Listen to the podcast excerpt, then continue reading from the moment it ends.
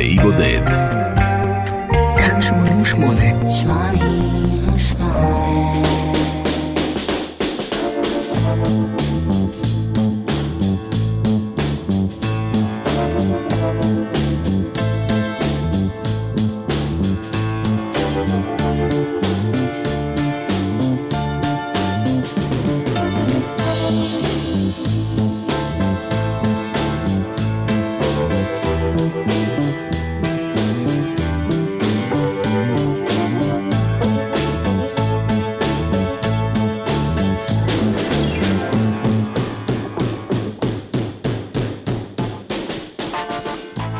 כבר עכשיו, אין כאן happy end. המסע שלנו הפעם מסתיים בטרגדיה. קרן קרפנטר מתה חודש לפני יום הולדתה ה-33, מסיבוכים שנבעו מאנורקסיה, הפרעת אכילה. ליבה שפעם ברגעיו האחרונים פעם אחת בכל עשר שניות, הפסיק לפעום.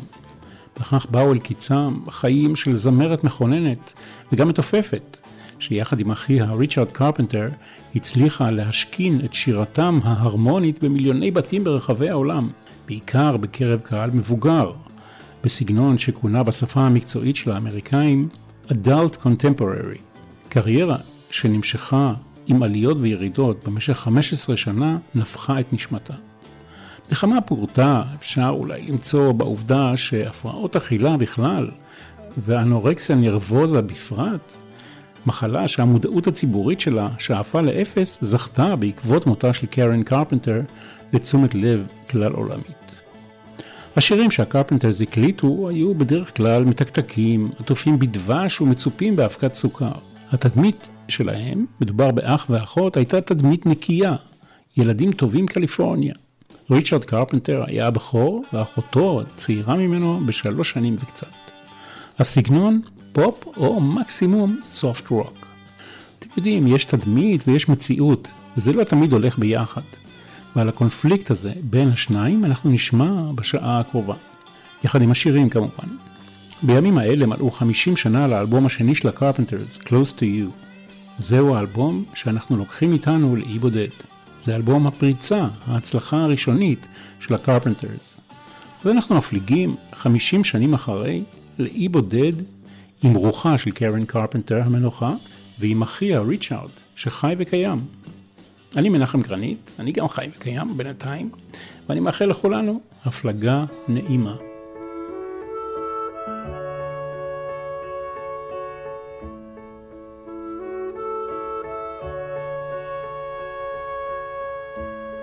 We've only just begun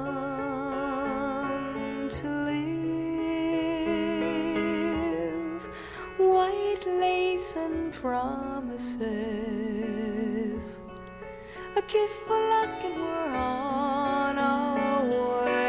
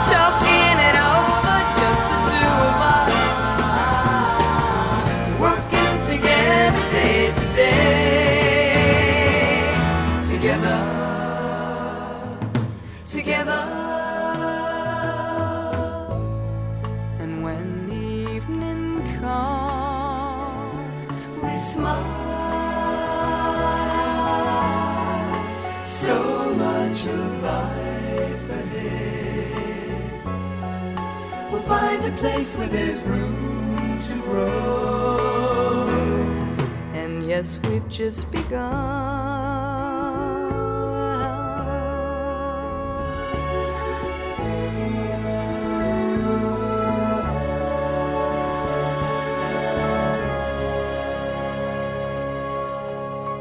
השיר הזה, שפותח את האלבום, התחיל את הקריירה שלו כפרסומת לבנק. כמובן, לא כל השיר כולו, רק שני בתים ופזמון אחד. ריצ'רד קרפנטר שראה ושמע את הפרסומת בטלוויזיה, איתר את המבצעים וכותבי הפרסומת, קיבל מהם בית נוסף ואישור להקליט אותו, והפך את השיר הזה למה שמכונה בשפה המקצועית ה-signature tune, כלומר השיר שמזוהה יותר מכל עם הקרפנטרס. בזכותו, כלומר בזכות השיר, זכו הקרפנטרס בשני פרסי גרמי. השיר המקורי נועד לשמש רקע לזוג צעיר שמתחתן והבנק מציע לו הלוואה. את הביצוע המקורי והפרסומת, אם זה מעניין אתכם, אפשר למצוא בדף הפייסבוק של התוכנית. מי שגילה את הקרפנטרס ונתן להם את הצ'אנס הראשון היה בעל חצוצרת הטיחואנה, הרב אלפרט, מוזיקאי ונגן חצוצרה יהודי שיחד עם חבר נוסף שלו, ג'רי מוס, הקים את חברת התקליטים המצליחה A&M, ה-A על שם אלפרט וה-M על שם מוס. הרב אלפרט עצמו לא היה קוטל קנים. כמוזיקאי בזכות עצמו הוא מכר ברחבי העולם 72 מיליון אלבומים. רשימת האומנים שהוחתמה ופעלה תחת הגג של A&M היא ארוכה ומרשימה מאוד. ג'ו קוקר, סטינג, סופרטראמפ, בריאן אדמס, קרול קינג, קאט סטיבנס, שריל קרו, קווינסי ג'ונס ורבים וטובים אחרים. הרב אלפרט החתים את ריצ'רד וקרן קרפנטר ב-1969.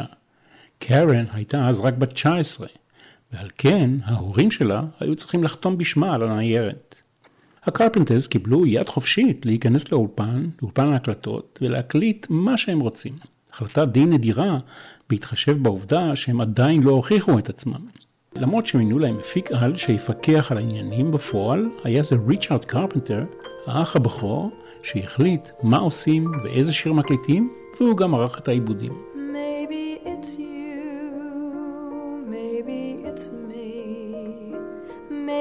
Just the constant rhythm of the sea. Maybe it's just that I've never been the kind who can pass a lucky penny by. Maybe it's wise, Maybe it's you who brought the caring I forgot. Isn't it nice to talk about the special way that you smile whenever I'm around? Rising on the shore, the ocean king walks among the waves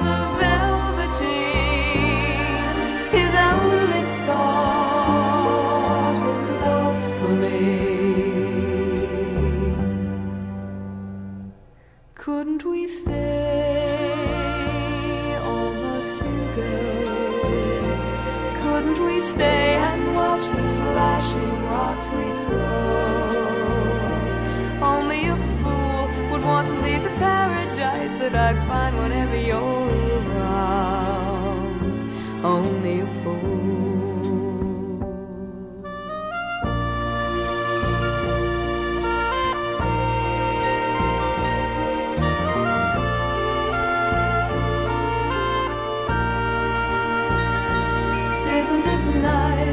about the special way that you smile whenever I'm around? Rising on the shore, the ocean king walks among the waves of velveteen.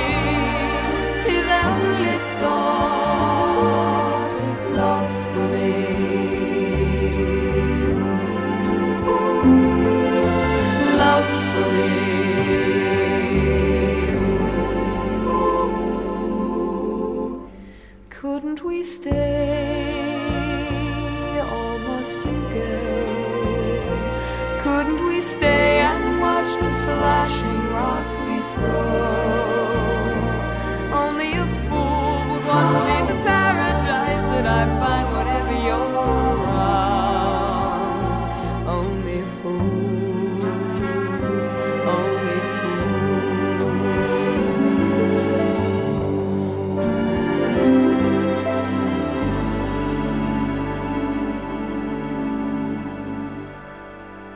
Maybe It's You. היא נולדה במרץ 1950, זאת אומרת שהיום, בזמן כתיבת שורות אלה, היא הייתה יכולה להיות בת 70. אבא שלה נולד בסין להורים אמריקאים מיסיונרים. בתיכון, בגיל 14, היא הצטרפה למקהלה ולתזמורת של בית הספר כדי להימנע משיעורי התעמלות שאותם היא לא כל כך אהבה. בעניין הזה, בלי להכיר את קרן קרפנטר, אני יכול להודות שאני הלכתי בדרכיה. כל פנים, בתחילה הציעו לה לנגן על גלוקנשפיל, אבל היא העדיפה תופים.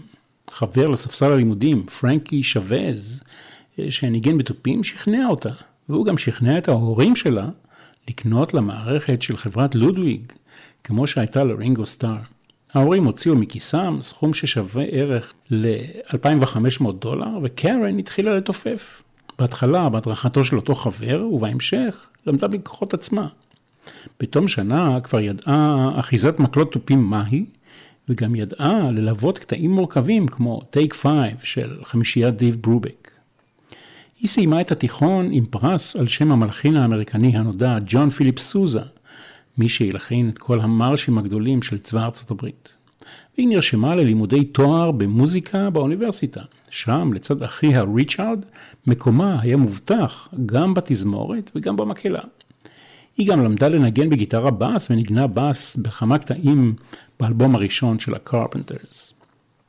בקיץ 1967, בחופשה שבין התיכון לאוניברסיטה, קיבלו ריצ'רד וקרן עבודה זמנית בדיסנילנד. יחד עם חברם ריצ'רד בטיס, הם התבקשו לעמוד בפינת קוקה קולה ברחוב הראשי של דיסנילנד ולשעשע את הקהל בשירה ובנגינה של שירים מתחילת המאה ה-20. אבל הרכב הצעיר הזה לא שעה להנחיות, והיה מנגן שירים עכשוויים לבקשת הקהל שחלף על פניהם. Yesterday, Light My Fire ושירים אחרים.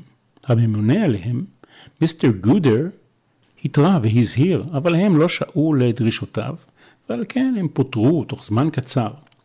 התוצאה, שיר שנכתב לכבודו של אותו מיסטר גודר. הנה.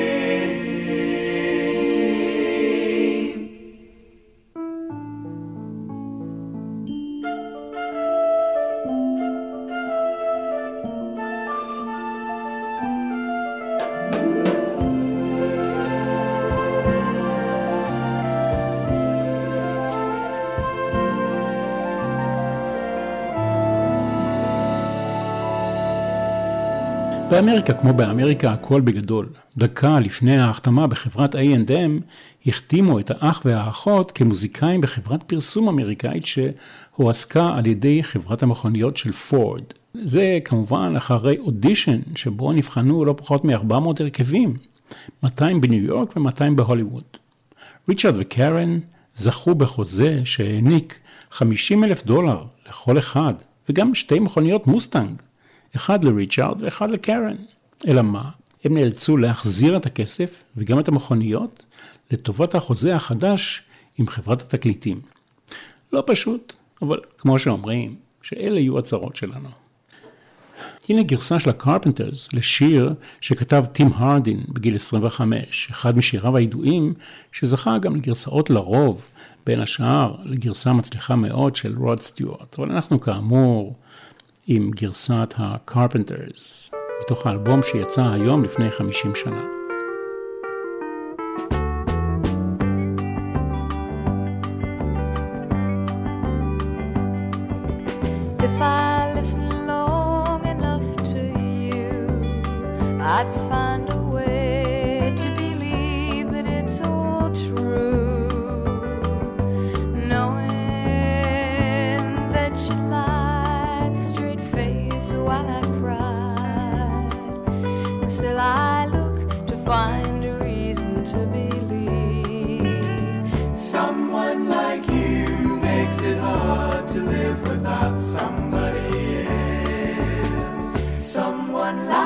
you makes it easy to give. Never think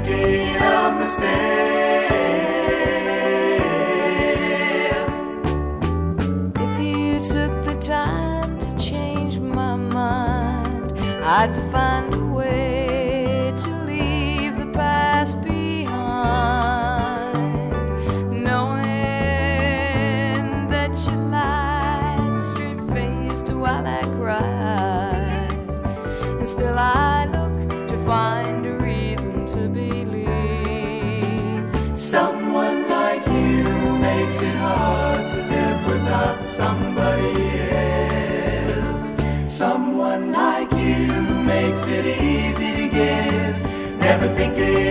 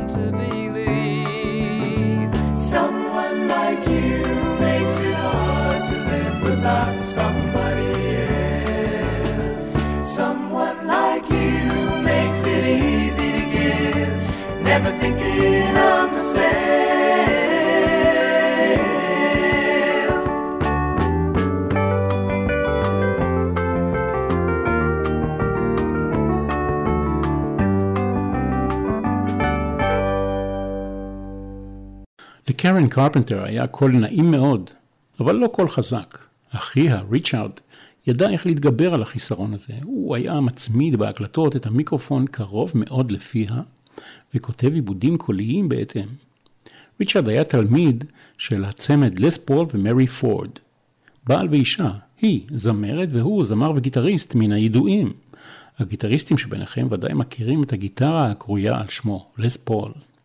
על פי האני מאמין שלהם, ריצ'רד קרפנטר טבע את העיבודים הקוליים של הקרפנטרס. הוא השתמש במה שמכונה double tracking, כלומר הכפלת קולות בהקלטה ובשירה הרמונית משולבת שלו ושל קרן.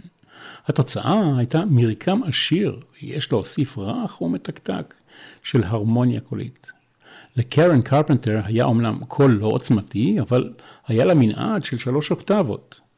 ההרמוניה הקולית אבל בעיקר המרקם המיוחד של קולה הוא שהיווה את סימן העיקר שלהם.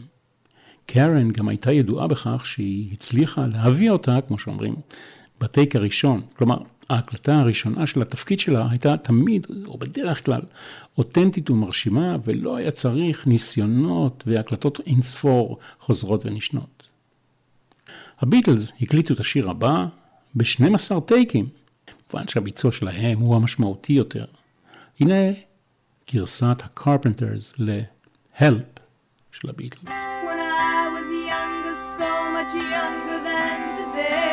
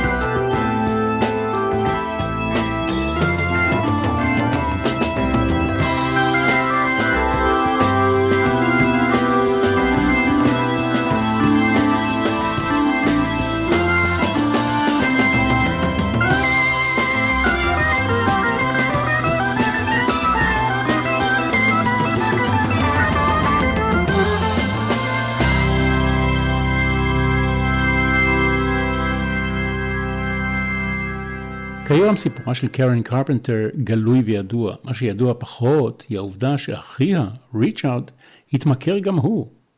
במהלך השנים הוא התמכר לכמות גדולה של כדורי שינה. בהיותו ילד טוב ירושלים או ילד טוב קליפורניה, הוא נהג לקחת, על פי מרשם רופא, כדור שינה לקראת שעת השינה, אחרי ימים קשים ומטורפים של הופעות וכולי. בחלוף הזמן, נטילת הכדור הפכה שיטתית, מדובר בכדור בשם מטקרואלון, שכיום מסתבר שהוא אסור לשימוש. לכדור הזה היו, אה, מסתבר, תופעות לוואי ממסטלות. לדוגמה, הכדור הזה שימש את ביל קוסבי, כוכב הטלוויזיה האמריקני הידוע, כדי לפתות ולנצל מינית נשים צעירות. ריצ'רד קרפנטר, שמעולם לא לקח לריאות, כלומר, הוא אפילו לא עישן סיגריות, והדרך היחידה שלו להרגיש חופשי הייתה לשתות אולי כוס בירה, התמכר לאותו הכדור. הכדור הזה הפך מבחינתו את החיים ליפים יותר. אבל לקראת סוף שנות ה-70 הוא נאלץ לעבור טיפול גמילה. מבחינתו, כדי להבריא לחלוטין, הוא החליט לקחת פסק זמן של שנה תמימה מקריירה על כל המשתמע. בשלב הזה, קרן, אחותו, כבר הייתה שקועה עמוק בצרה שלה. אבל דיה לצרה בשעתה. בואו נעבור אה, לשיר הבא, וזוהי דוגמה קלאסית למה שמכונה easy listening, כלומר מוזיקה שווה לכל נפש. וגם הלהיט המצליח הראשון של הקרפנטרס, וכמו בכל סיפור הצלחה, גם כאן יש את הנקודה היהודית. את השיר כתבו שני יהודים טובים ומוכשרים, שהיו חתומים בחברת התקליטים של הרב אלפרט. קראו להם ברד בכרך והל דיוויד. שני אלה כתבו יחד מאות שירים שרבים מהם זכו לתהילת עולם. ברד בכרך, או כמו שאומרים באמריקאית, בקראק, הוא כיום בן 92. קרן קרפנטר, בשיר הזה, כמו בהקלטות אחרות, התיישבה מאחורי מערכת התופים כדי לממש את תפקידה הכפול כזמרת וכמתופפת. אלא שהרב אלברט, הבוס, הציע בעדינות שהגברת תתרכז בשירה בלבד. את מקומה מאחורי מערכת התופים תפס הל בליין. ומרגע זה ואילך, קרן הבינה שעדיף שהיא תתמקד במה שהיא טובה בו יותר. יתר על כן, גם בהופעות של הקרפנטרס בשלבים, בשלבים הראשונים, קרן, שהייתה, עד כמה שזה נשמע מוזר, ביישנית, העדיפה לשיר מאחורי עמדת מערכת התופים, ולא בקדמת הבמה. אבל הקהל דרש אחרת וגם קיבל, וכך למעט מקרים בודדים שבהם רצתה להפגין את חוש הקצב שלה, היא עמדה בקדמת הבמה ושרה במלוא גרון. אם אתם רוצים לראות כמה קטעי טיפוף של קרן, אתם מוזמנים לדף, לדף של אה, אלבום לאי בודד בפייסבוק, ועוד דבר קטן שתוכלו לראות שם, באותו הדף, את הפתק ששלח הרב אלברט לקרפנטרס בחתימת ידו, אחרי שהשיר הזה, שתכף נשמע, הגיע למקום הראשון במצעד האמריקני. They long to be close to you.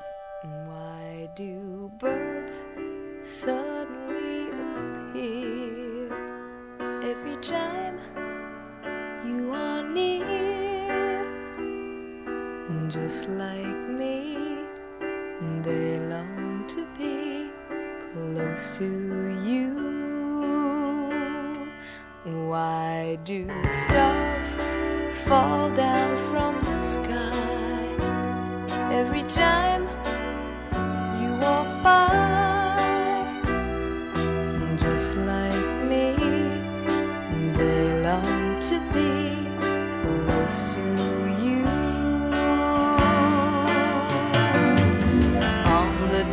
that you were born, the angels got together and decided to create a dream come true. So they sprinkled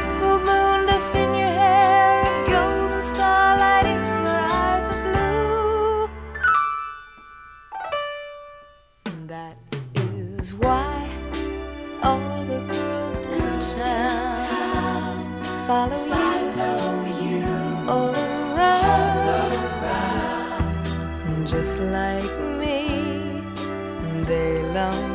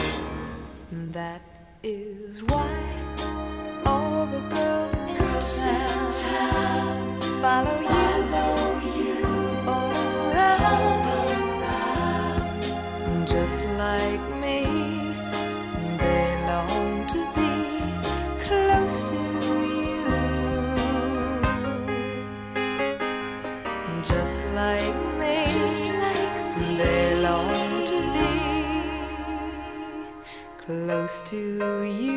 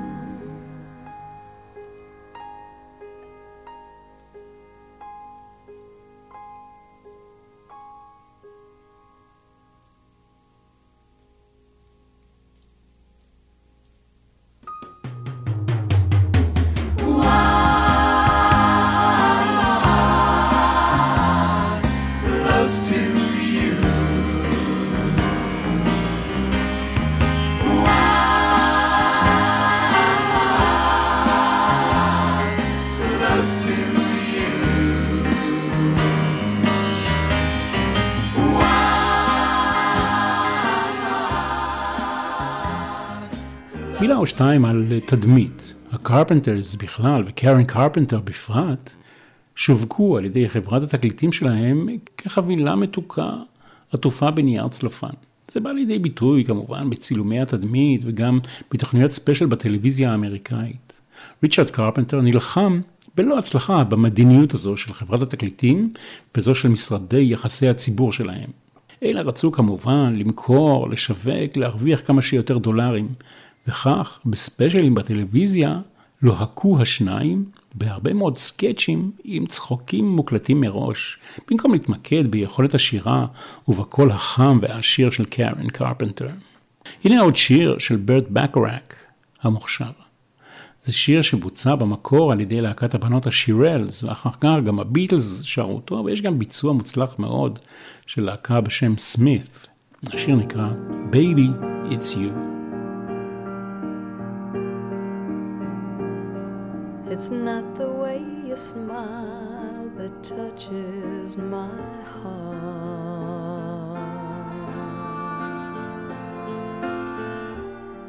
It's not the way you kiss that tears me apart.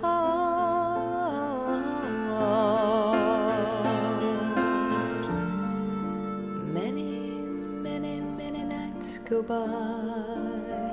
I sit alone at home. I cry over you.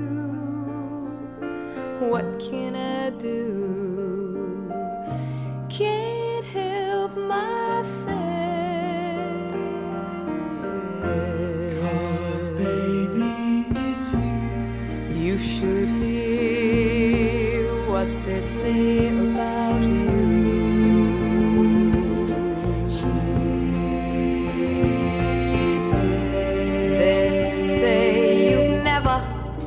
Never, never been true.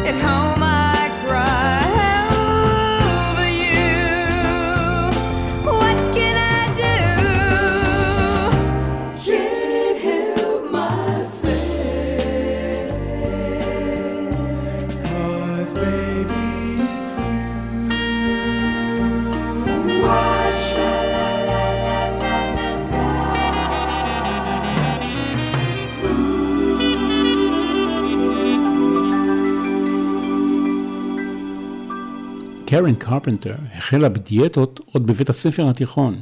היא החלה דיאטה בשם דיאטת סטילמן, בהנחיית רופא. היא אכלה אוכל רזה, שתתה שמונה כוסות מים ביום, ונמנעה ממאכלים שומניים.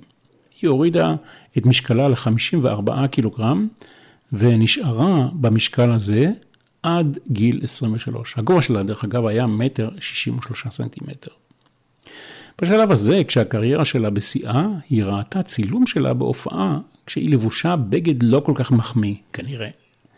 היא שכרה מאמן אישי שייעץ לה לשנות את הדיאטה שלה.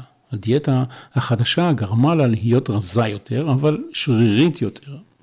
התחושה הזאת גרמה לה לפטר את אותו מאמן ולפצוח בדיאטה עצמאית באמצעות תרגילי כושר וספירת קלוריות. היא הורידה עוד תשעה קילוגרם ממשקלה והתכוונה להוריד עוד. הרגלי האכילה שלה השתנו, היא הייתה מעבירה אוכל מהצלחת שלה לאלה שהיו יושבים לאכול לידה, כדי שהיא תאכל פחות. בימי התהילה ושיא הקריירה, קרן לא חיפשה זוגיות. היא ידעה שמערכת יחסים לא תשרוד קריירה מטורפת וסיורי הופעות מתמשכים. בשלב מסוים היא הודתה בפני חברתה הטובה, אוליבי ניוטון ג'ון, שהיא משתוקקת להתחתן ולהקים משפחה. בסופו של דבר היא התחתנה בגיל 30 עם יזם נדל"ן, גרוש עם ילד בן 18, שהיה מבוגר ממנה בתשע שנים. היא רצתה ילדים, אבל בעלה עבר עיקור, ולא היה מוכן לבטל אותו. נישואיהם לא שרדו את המחלוקת הזו, והסתיימו לאחר 14 חודשים. הוא גם ניצל אותה, מסתבר, אה, מבחינה פיננסית, והיו גם דיבורים על התעללות. נו, טוב, כשלא הולך, אז לא הולך. I'll never fall in love again.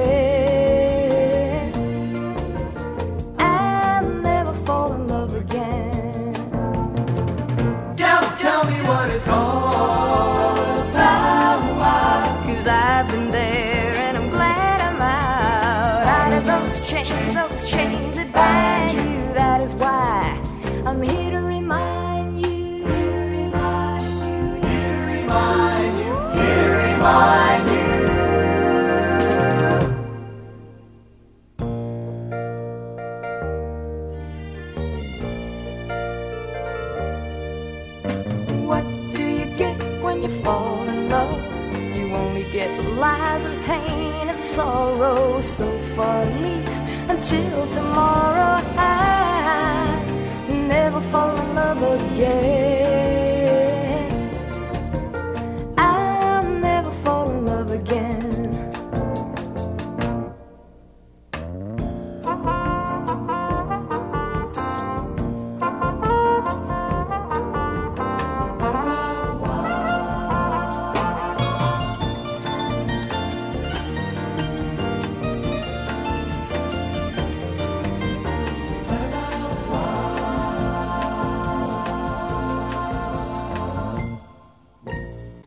שיר בלתי נשכח של הצמד בכרך ודייוויד. ספרתי 39 ביצועים לשיר הזה, כולל הקרפנטרס כמובן, וכולל דיון וורוויק, שזה הביצוע המוכר יותר, ואפילו ביצוע של אלוויס קוסטלו. בספטמבר 1975, קרן קרפנטר שקלה 41 קילוגרם. הקהל שראה אותה בהופעות על הבמה היה בהלם. כל הניסיונות להשתקם ולהחלים עלו בתוהו. אחיה, ריצ'ארד, הודיע כי הוא והוריו לא יודעים כיצד לעזור לה. אחיה ניסה אה, ליצור קשר עם אה, שרי בון, אחת מבנותיו של הזמר פט בון, שהחלימה מאנורקסיה. הרופאים שטיפלו בה אמרו שהטיפול רציני והוא יימשך שלוש שנים לפחות. אבל קרן רצתה טיפול מהיר כדי להתפנות לצורכי הקריירה. באותם ימים היא נטלה כדורים מחזקים ביום וכדורים משלשלים בלילה. בין 80 ל-90 בכל לילה. כאשר היא אושפזה בבית החולים בניו יורק וקיבלה הזנה תוך ורידית ומשקלה החל לעלות, ליבה שנחלש משנים של תזונה לא תקינה ומכל הדיאטות שהיא עברה במהלך השנים לא עמד בלחץ.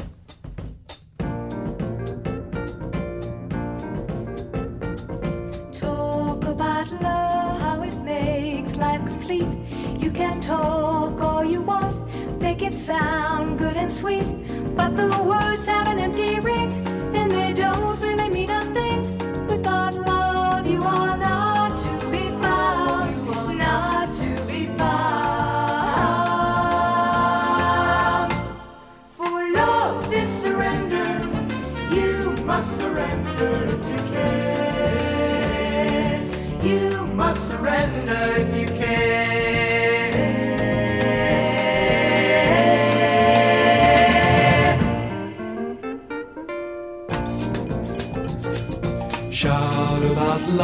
then the wars will all end. You can shout, we're all brothers, and even pretend. But you can't cover up the past, just pretend.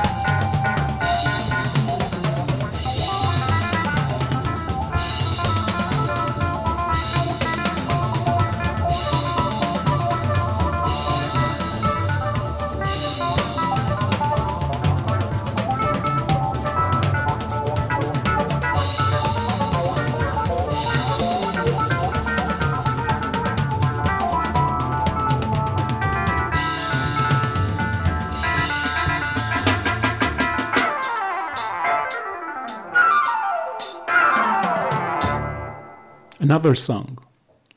אני מבקש ברשותכם לסיים את התוכנית הזו בשיר שמופיע באחד האלבומים המאוחרים יותר של הקרפנטרס, אבל לפני זה לומר כך. אני זוכר היטב את התקופה, את השירים וגם את התמונות המדאיגות של קרן קרפנטר שהתפרסמו בסמוך למותה. במהלך העבודה על התוכניות האלה של אלבום לאי בודד, הפכתי להיות מומחה במרכאות לתרופות ולסמים. אחת המסקנות העצובות מהתחקיר והמעקב אחרי הקריירה של אומנים מצליחים, היא הנתון הכמעט קבוע שהם רובם ככולם משתעבדים ומתמכרים לחומרים מזיקים. כאלה שבסופו של דבר, בהרבה מאוד מקרים, גורמים למותם. כוכבות והצלחה בינלאומית גובים מחיר יקר, לעתים יקר מדי.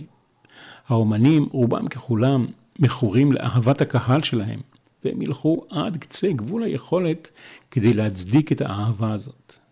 בעיניי, אלה ששורדים הם הגיבורים האמיתיים. אלה שמצליחים לחשוב באופן שפוי וצלול שהחיים הם חד פעמיים ושאסור להקריב אותם על מזבח אהבת הקהל.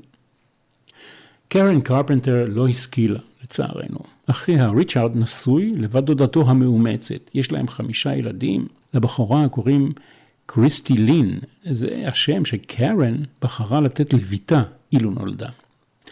לבת השלישית של ריצ'ארד קוראים מינדי קרן על שם אה, אחותו המנוחה. אני חותם אה, בשיר Goodbye to Love, אחד משירי הקרפנטר שאהבתי במיוחד באותם הימים, גם בגלל סולו הגיטרה של טוני פלוסו, אה, בגלל הניגוד כביכול בין המתקתקות של השירה לבין הדיסטורשן של הגיטרה. אני מנחם גרנית, מאחל לכולכם רק טוב, ובעיקר בריאות. כל טוב. I'll say goodbye to love. No one ever cared if I should live or die. Time and time again, the chance for love has passed me by, and all I know of love is how to live without it. I just can't seem to find it. So I've made my mind